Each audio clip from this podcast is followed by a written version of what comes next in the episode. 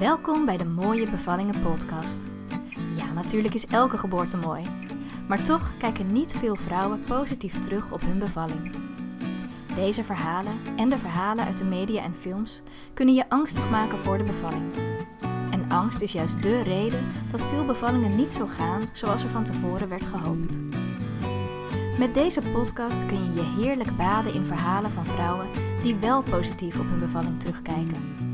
Bekrachtigende verhalen, waardoor jij vol vertrouwen gaat uitzien naar jouw bevalling. In deze podcast spreek ik met Esther. Esther heeft haar eerste bevalling als traumatisch ervaren. Ze vertelt waardoor dit kwam en hoe haar tweede en derde bevalling, samen met veel innerlijk werk, dit trauma hebben kunnen helen. Haar derde bevalling was een droombevalling, precies zoals ze het gewild had. Ze vertelt alles over deze mooie geboorte en de weg hier naartoe. Welkom bij de Mooie Bevallingen podcast. En vandaag spreek ik met Esther. Dus we hebben twee Esters weer vandaag.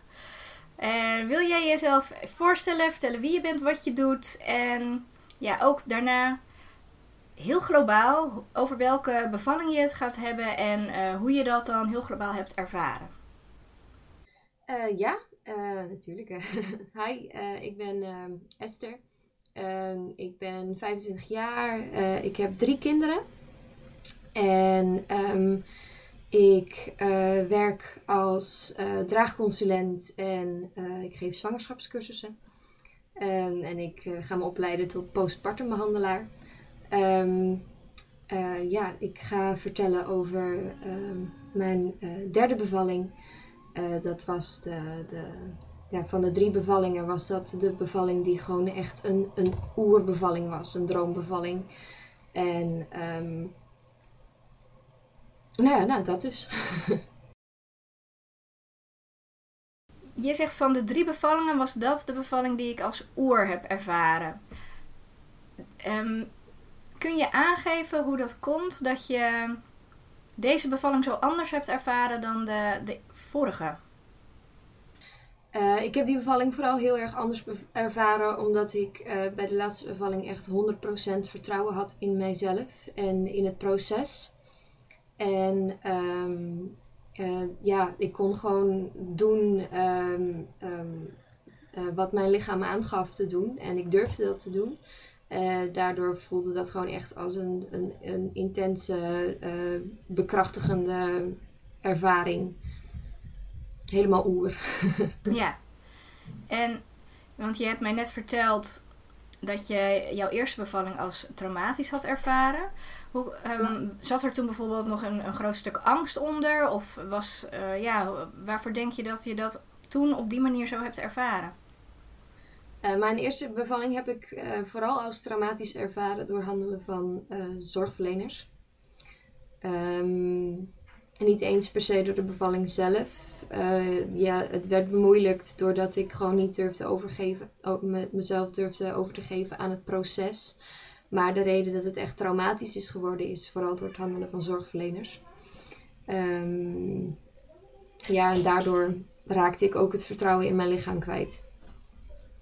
Ja, ja dat hoor je toch vaak. Dat um, de, als een vrouw zich niet gezien of gehoord voelt, dat dat dan erg bijdraagt aan ja, hoe ze de geboorte beleeft. Ja, ik voelde me bij mijn eerste bevalling gewoon echt totaal niet gehoord. Um, en uh, er werden dingen gedaan waar ik hardop geroepen heb nee. Uh, en het werd alsnog gedaan.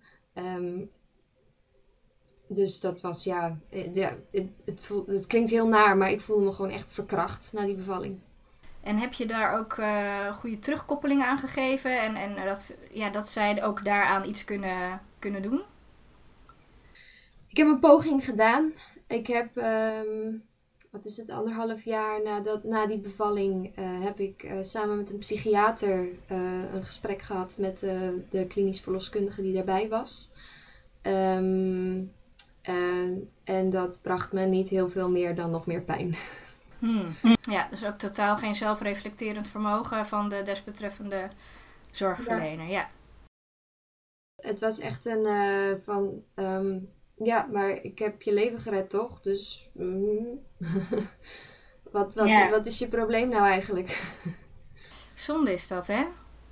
Terwijl ze mijn leven dus helemaal niet eens gered heeft. Ze heeft het eigenlijk alleen maar op het spel gezet door me wat toe te dienen waar ik helemaal niet tegen kan. Maar ja. Ja, en dat, uh, kijk, zorgverleners zijn, zeg ik altijd, zijn ook gewoon mensen. En daar heb je ook mensen die um, ja, soms beter inlevend gevoel hebben dan een ander. Net zoals op elk vlak in het, uh, in het leven. En dat is dan net balen als je zo iemand treft. En dan kan je afvragen, of hoort diegene wel in de zorg thuis? Maar goed, dat is weer een ander verhaal. Maar ik hoop dat je dan wel met deze laatste bevalling dat stuk ook hebt kunnen helen. Um, ja, ik heb het trauma op zich al redelijk kunnen helen met mijn tweede bevalling. Um, maar um, na mijn derde bevalling was het traumagevoel gewoon helemaal weg. Ja, ik, ik heb er ook wel wat uh, therapie voor gehad, EMDR en mm. nog iets waar ik even de naam van vergeten ben. Maar uh, dat heeft uiteraard ook heel erg geholpen. Maar uh, na de derde bevalling was dat traumagevoel wel grotendeels verdwenen, gelukkig. Dan gaan we het nu over die laatste bevalling hebben. Hoe merkte je dat die bevalling was begonnen? Um, ja, ik werd ochtends wakker. En uh, ik had al een aantal dagen dat ik ochtends wakker werd. Uh, gewoon op een, ja, wat was het, een, een uur of zeven. Uh, en dat ik dan met enige regelmaat wel voorweeën had. Um, Um, maar ik werd die ochtend wakker en ze waren er weer. En het was, ik had gewoon het gevoel, ja, vandaag, het wordt vandaag. vandaag is de dag. Het voelde heel anders. Um, ik, kan, ik kan niet per se, per se beschrijven waarom. Het was gewoon zo'n gevoel van vandaag is de dag. Dat hoor ik ook wel vaker. Dat vrouwen dat toch soort van instinctief uh, aanvoelen. Van, oh, dit is toch anders dan wat ik eerder heb gevoeld. Of misschien niet eens zoveel fysiek anders, maar toch op een andere manier anders. Uh, ja, we slapen samen met, uh, met onze kinderen. En ik had dus gewoon iedere ochtend uh, dat ik wakker werd. En dan had ik die, die, die voorweeën. En dan raakte ik helemaal overprikkeld van ze. Want ze wilden natuurlijk gewoon lekker een beetje spelen in bed. En daar raakte ik helemaal overprikkeld van. En die ene dag, um, ik kon ervan genieten het was hm. gewoon van dit is, dit is het laatste, dit is de laatste ochtend zo. dus ik kon er op die manier van genieten. En dat was ook wel, dat was gewoon heel bijzonder om zo te voelen. Ja. En toen is dat, of die, die voorweeën, die zijn toen uiteindelijk misschien gaan doorzetten in dat je dacht, nou nu is het echte werk begonnen ja, dat duurde nog wel een hele tijd. Uh, dus want ik werd s ochtends werd om 7 uur wakker. En um, ze werden over de dag wel iets, ietsjes sterker. Um, maar niet, weet je, ik was gewoon de was aan het doen. Ik was gewoon bezig. Uh, tot een uur of vier smiddags, denk ik. Uh, toen was de mhm. verloskundige was nog langs geweest. Um, en daarna daar, daarna was er, zeg maar, begon het met een wee waarvan ik dacht, oh help, nee, nu moet ik even stoppen. En vanaf toen werd het uh, sterker en sterker. Ja, dus vanaf vier uur is een beetje het punt dat jij dacht, oh nu is het echt, echt begonnen. Ja. Dus dat je van die eerste fase, als het ware, in de actieve fase of in de openingsfase gaat. Ja, ja van de meer, uh, ja, inderdaad, van de fase waar je gewoon nog de hele tijd dingen kunt doen en denkt, oh, krampje. Tot uh, de, het moment dat je gewoon echt af en toe even moet stoppen met wat je aan, de, aan het doen bent. Ja. En hoe heb je uiteindelijk die weeën opgevangen? Um, nou, in het begin nog vooral gewoon was ik gewoon bezig. En als er dan een wee was, uh, even staan, even rustig ademhalen. En um, tot de wee weer om was en weer door. Um, en toen ben ik daarna nog, nog een uur of vijf, dus toen ik nog in de wees zat, ben ik nog naar een acupuncturist geweest. Die afspraak stond hm. al. Um, en die heb ik gewoon door laten gaan. Ik denk, nou, ik kan alleen maar helpen. uh, dus, um, en toen we daarvan terugkwamen, toen, uh, toen begon het echt heftiger te worden. En toen ben ik onder de douche gaan staan om de weeën op te vangen. Um, En ehm, onder de douche heb ik mezelf heel erg lang een, een, een mantra toegesproken. Uh, laat het los. Ehm, laat het varen. beetje frozen. Ja. um, want dat is een beetje een probleem van mij. Ik kan heel moeilijk ervaringen loslaten. Um, het, um, mijn bevalling uh, is begonnen met uh, ruim 42 weken. En een vriendin die zei, uh, ja, eigenlijk, die, die, die, die doet dan luisterkindafstemmingen. en die die zegt, ja, je, je baby is er klaar voor, alleen jij niet. Ze, je, ze zegt, eh, je moet, je moet loslaten, je moet de vorige ervaringen loslaten en dan, dan komt het. Dus ik heb heel erg lang onder de douche gestaan met laat het los. um, en toen ik onder de douche vandaan kwam, toen werd het alleen maar sterker en sterker. En, uh, ja. Daarna ben ik, um, heb ik even tegen een tafelrand aangestaan met uh, um, mijn rug die gemasseerd werd. En daarna ben ik in, uh, in het bevalbad gegaan. Ja. Heb je de weeën als pijnlijk ervaren?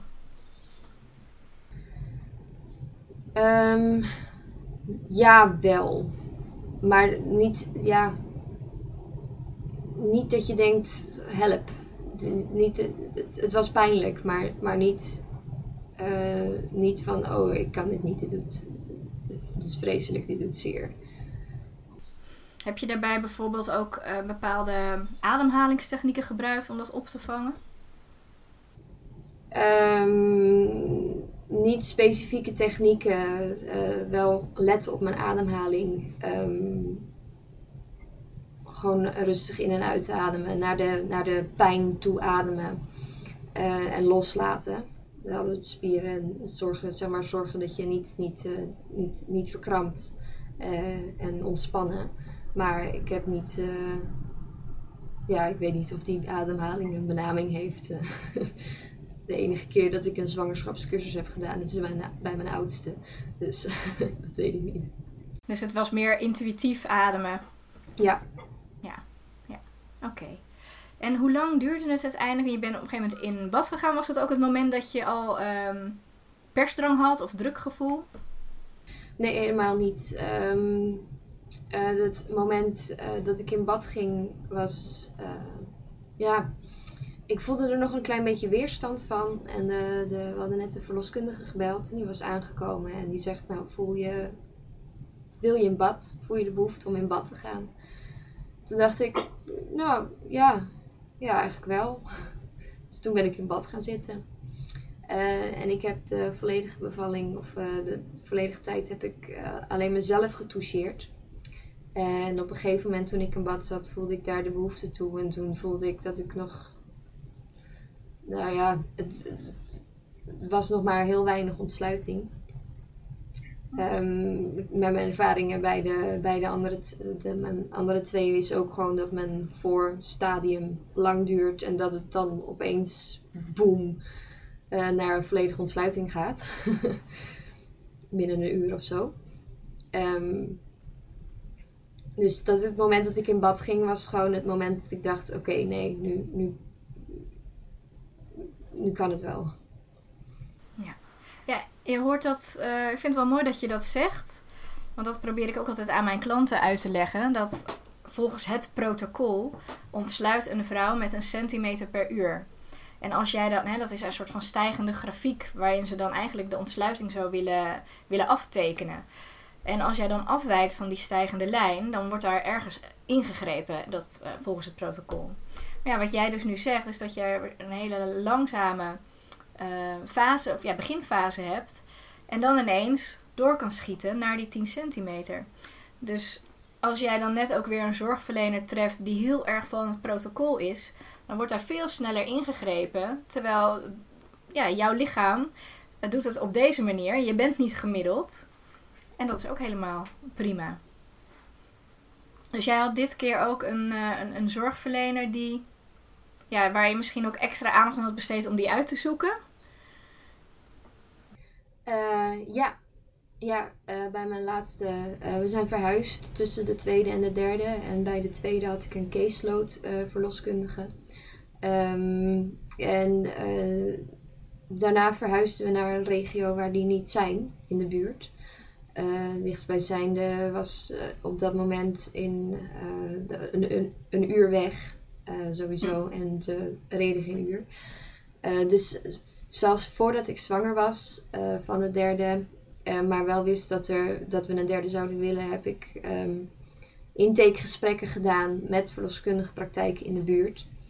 Eh, Hmm. Om te kijken waar, waar ik me zou willen aanmelden als ik daadwerkelijk zwanger zou zijn. En eh, nou ja, daar kwam dan één praktijk uit. En ehm, daar heb ik ook vanaf het, vanaf het begin al heel snel mijn geboorteplan overlegd. Ehm, en eh, ja, ik, ik voelde wel tijdens de bevalling vooral, en omdat ik over de 42 weken heen was, eh, er, ik voelde wel wat spanning bij de verloskundige. Eh, maar ze, ze, ze heeft haar uiterste best gedaan die niet op mij over te dragen.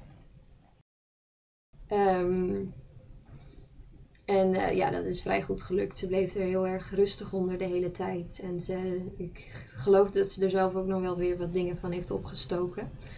Ehm, dus eh, ja, het was gewoon echt fantastisch. Ja, dit zijn ook mooie ervaringen voor, eh, voor, voor deze verloskundige. En ook dat jij dus hebt kunnen wachten tot na de 42 weken. Ik neem aan dat dat dan ook jouw eigen wens was. Ja, dat was mijn eigen wens. Eh, mijn oudste die is eh, geboren met eh, bijna 42 weken. Mijn middelste is geboren met bijna 42 weken. En ehm, eh, dus ik heb al vanaf het begin af aan gezegd, ik ga met alle liefde die 42 weken over. Ik laat me niet inleiden. En ehm, nou ja, dat gebeurde.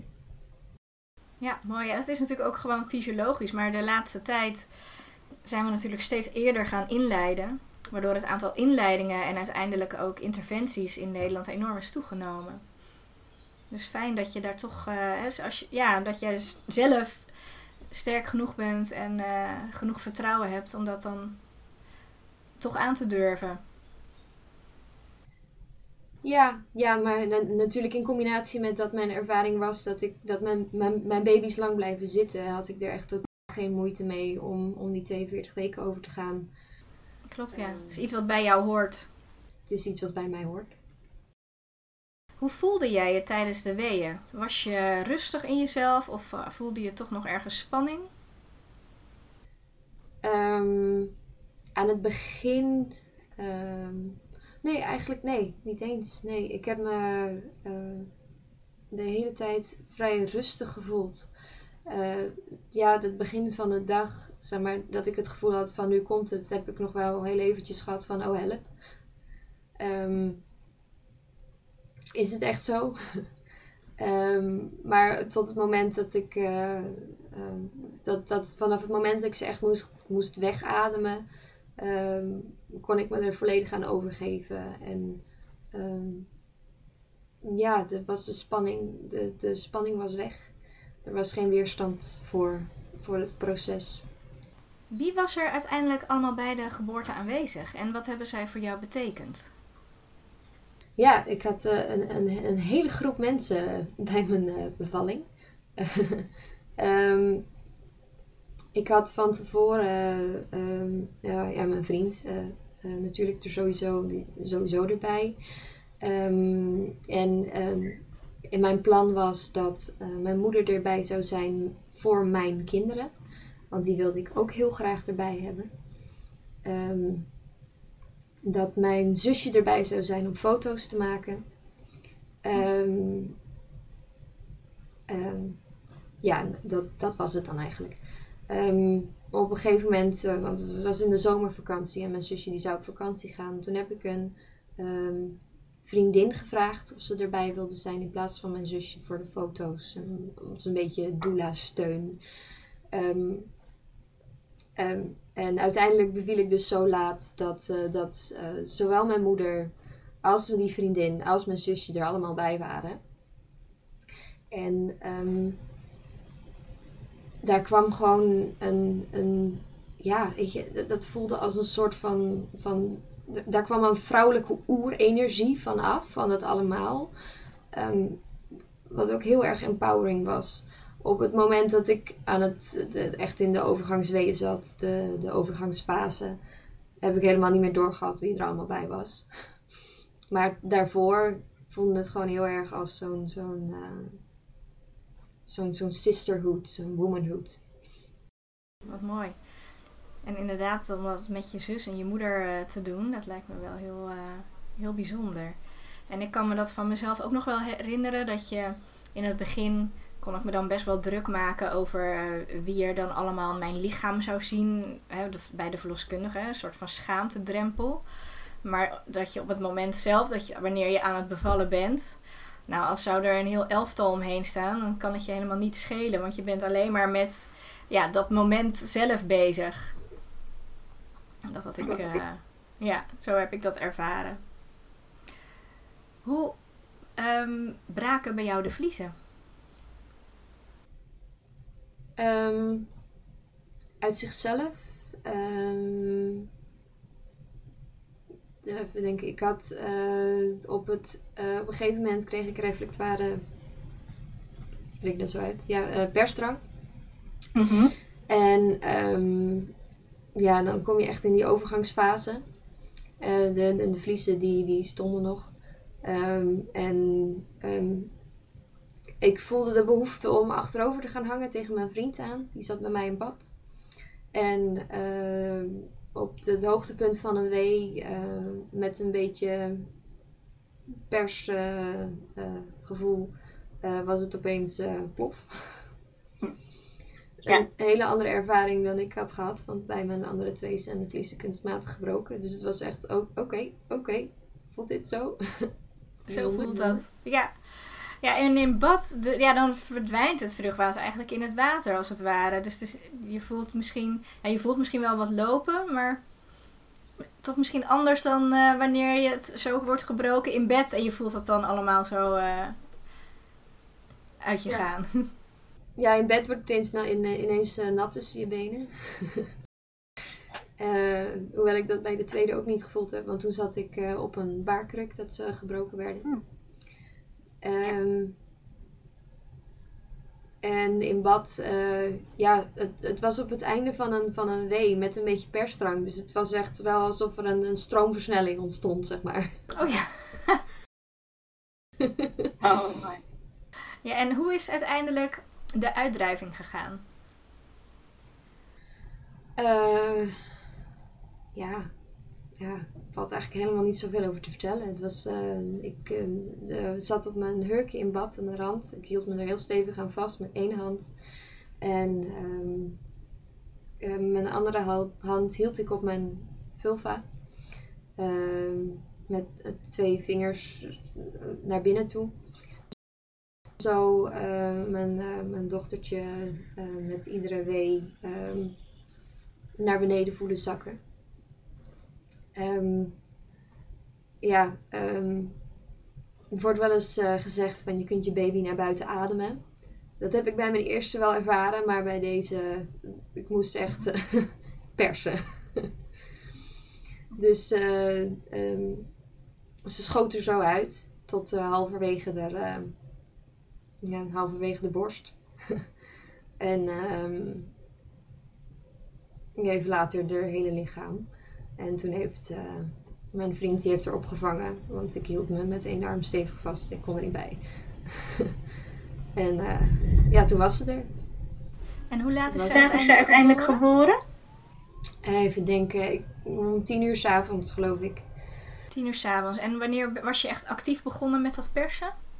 Uh, vanaf, ja, hoe lang? het, zal niet, het zal niet langer dan tien minuten geduurd hebben. Ja. Waarschijnlijk staat het in mijn dossier, maar dat heb ik nooit bekeken. Ja, precies.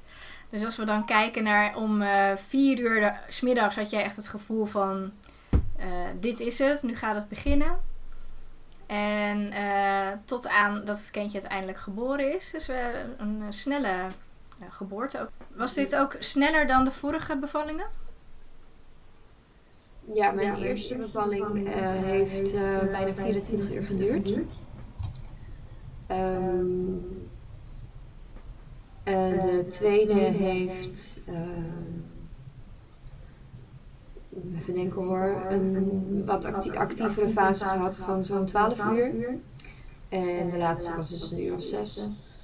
Het halveerde deze steeds. Ja, ja, inderdaad. En je was op je, of ja, eh, op je hurken toen het kindje werd geboren. En het werd eigenlijk een soort van gelasseerd.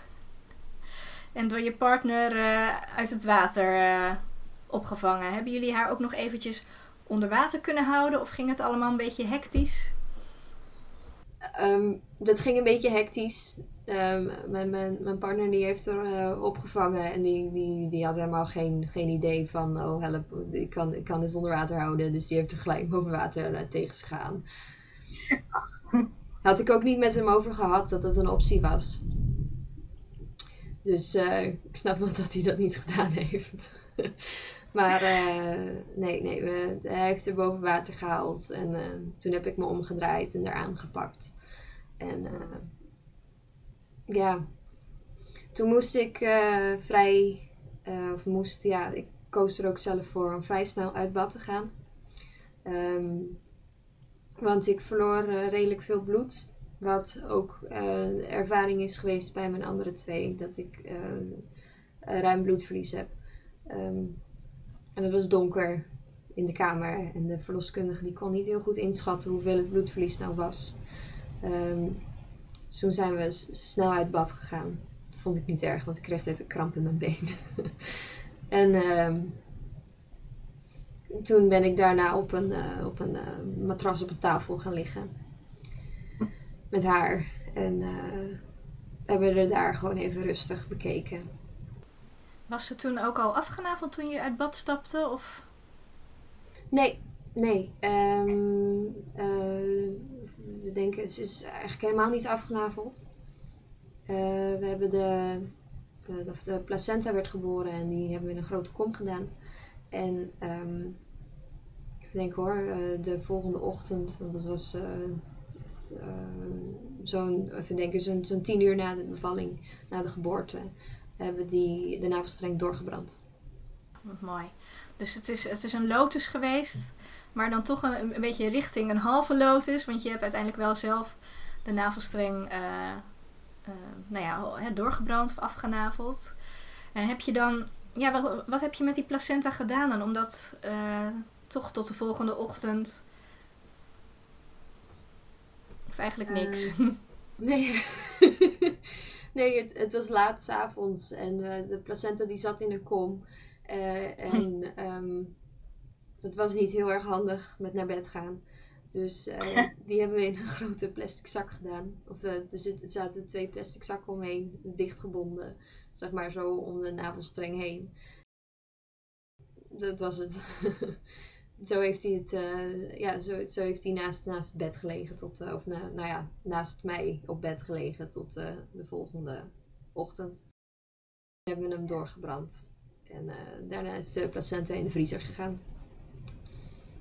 Ja, wat wilde je nog doen met de placenta?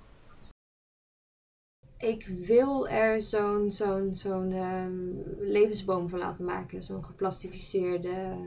Uh, oh, met, met soort plastic. Uh, dat ze dat in, in de, de veens, zeg maar, in de, de, waar de aderen zitten, dat ze dat vullen. Ja, dat ze dan, zo spuiten ze dan een soort van plastic in en dan gaat dat in uh, de hars. En dan heb je een ehm, ja, een, een soort van boom van je, van je placenta. Ik heb dat één keer eerder gezien, een plaatje ervan. Het was heel bijzonder hoe, dat, uh, hoe je dan die vaten zo mooi ziet ontstaan. Maar dat heb je nog niet gedaan, dat staat nog op de planning. Het staat nog op de planning, want het is niet goedkoop. Dus er moet even voor gespaard worden. Ja, dat zal wel. En waar, waar kan je dat dan doen? Um, ja, er is één uh, iemand in Nederland die dat uh, aanbiedt, geloof ik. Uh, en die laat het dan doen door iemand in Duitsland. maar hmm. ik kan zo, ik, ik, geloof dat het ook levensboom heet. Um, maar eh, ja, ik weet mensen die, die, die, die, die, het beter weten. Dus als we eraan toe zijn, dan eh, vraag ik het die. En dan, Nou, ik ga het sowieso ook even opzoeken. Het is natuurlijk wel interessant om, om dat eens te zien en, en een linkje ook naartoe te zetten. Zo onder deze podcast. Um, ja, wie heeft de baby aangepakt? Dat heeft je man gedaan, inderdaad. Uh, jullie hebben het eerste uurtje na de geboorte, eh, ben je uiteindelijk op de, op de tafel. En heeft zij echt een, lekker een uur bij jou kunnen liggen? Nee, ik ben op de tafel gaan liggen. Ik heb er nog heel even afgemoeten om op de baarkruk te gaan zitten, omdat het bloedverlies uh, bleef. En de placenta die wilde nog niet helemaal, dus die, die moest even op de baarkruk. Maar toen heb ik er ook nog vast gehad. En daarna kon ik weer op, uh, op, bed, op, op, op, uh, op het uh, geïmproviseerde bed.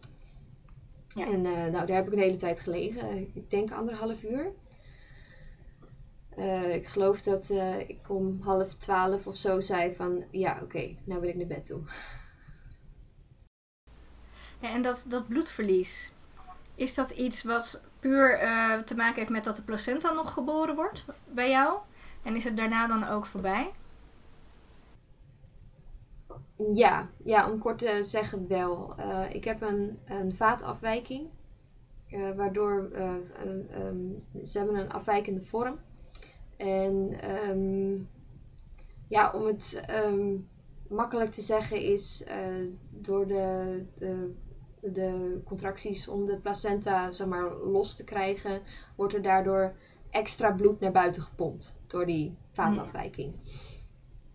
En uh, op het moment dat, dat, ja, dat die wond, uh, dat de placenta eruit is en die wond kan goed sluiten, dan, dan is het over. Is het oké. Okay. En heb jij daarvoor ook een sintoprik in je been gekregen?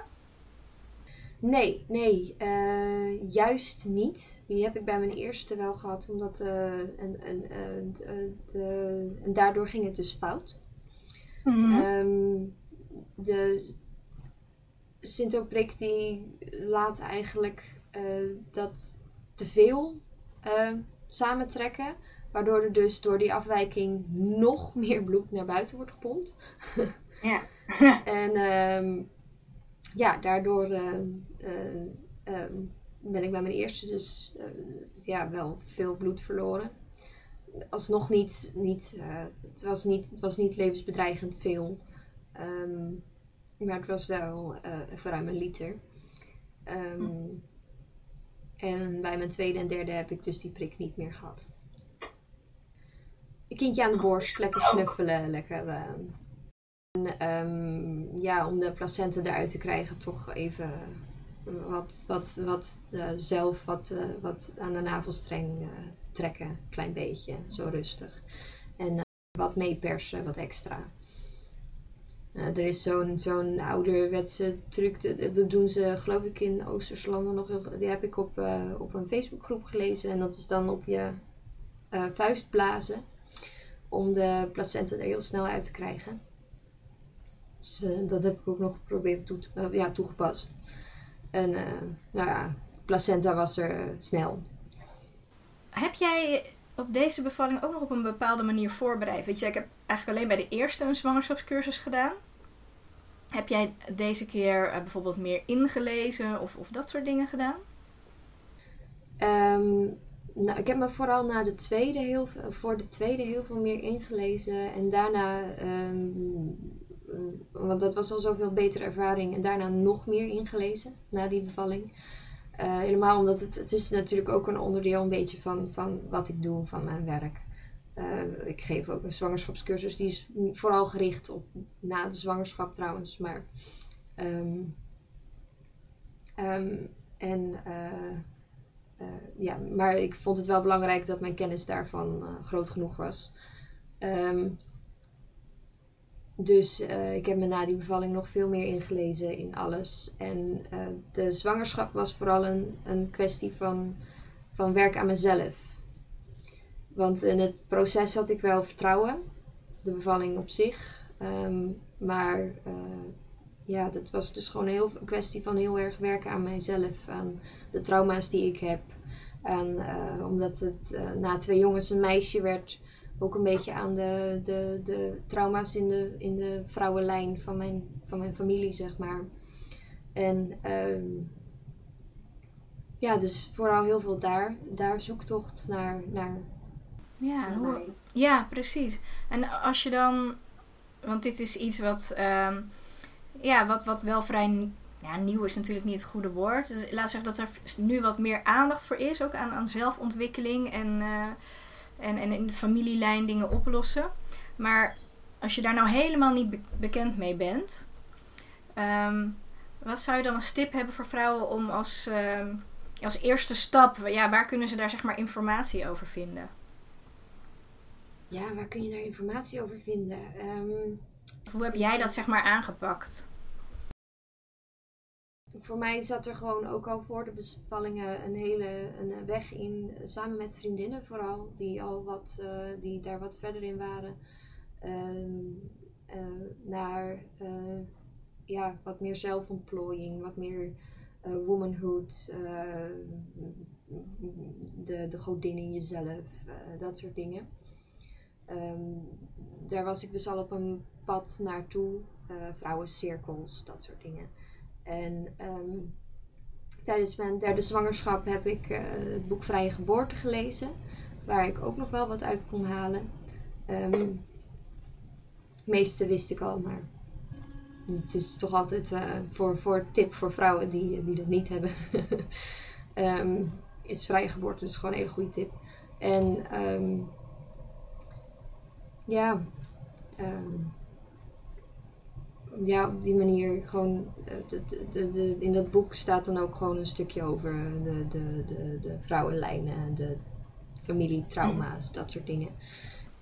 Je vertelde net al, ja, je bent draagconsulent en je hebt een zwangerschapscursus die meer gericht is dan op de tijd erna. Kun je dat eens eh, uitleggen?